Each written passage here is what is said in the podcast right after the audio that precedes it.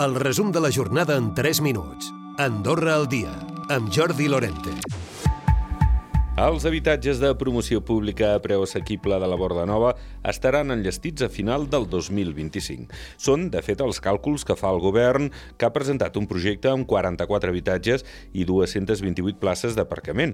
El ministre d'Habitatge, Víctor Filloi, ha dit que es podria, fins i tot, construir un segon bloc és totalment plantejable que es pugui fer un altre edifici al costat, el pressupost de l'Estat no tot ho pot, i comencem doncs, per aquesta fase. Ara estem implementant aquesta altra també d'adquisició d'edificis ja existents, perquè també doncs, la part de rehabilitació d'edificis és molt important. El que justificaria ara fer un, un segon edifici seria, per exemple, que, el, que no tingués èxit la convocatòria que hem fet per l'adquisició d'habitatges i d'edificis per rehabilitar-los.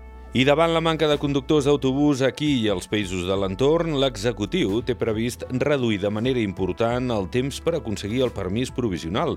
N'en parla el director de Transport, Josep Pujol. D'un any de termini entre els dos, eh, les dues categories a 15 dies, eh, amb examen les dos i la, amb el qual el, el candidat haurà de superar, o sigui que no estem posant en risc a, a de cap manera als, als, als usuaris del transport públic, en aquest cas, perquè era una mica el sector que ens ho havia demanat, ni, ni baixem la vigilància, anem a dir, no? De fet, també estarà previst nous controls a les empreses de transport per carretera per verificar que compleixin amb els horaris i les pauses. I la pandèmia, la manca de matèries primeres, la guerra a Ucraïna i de retruc l'increment dels preus de l'energia han estat tot un seguit d'obstacles que també han afectat el mercat de vehicles.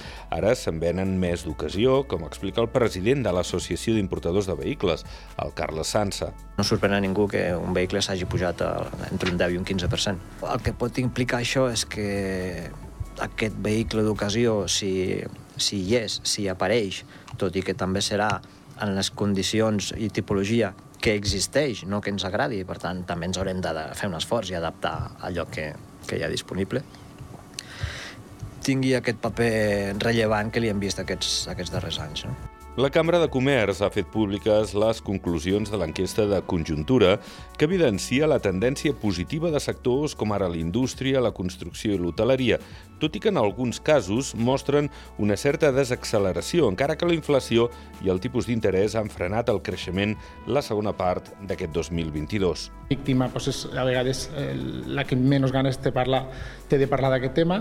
Es fa molt incís amb els espectadors que solen ser els companys de classe i se'ls donen els canals perquè puguin denunciar-ho el més ràpid possible per agafar-ho a temps. Acabem d'escoltar el sergent de la policia Sergi Lechuga. Aquesta tardor han tornat les xerrades del cos d'ordre per prevenir les conductes delictives en menors. L'assetjament, els riscos d'internet i de les drogues han estat els temes tractats aquest dilluns amb els escolars del Maria Moliner. Recupera el resum de la jornada cada dia a Andorra Difusió.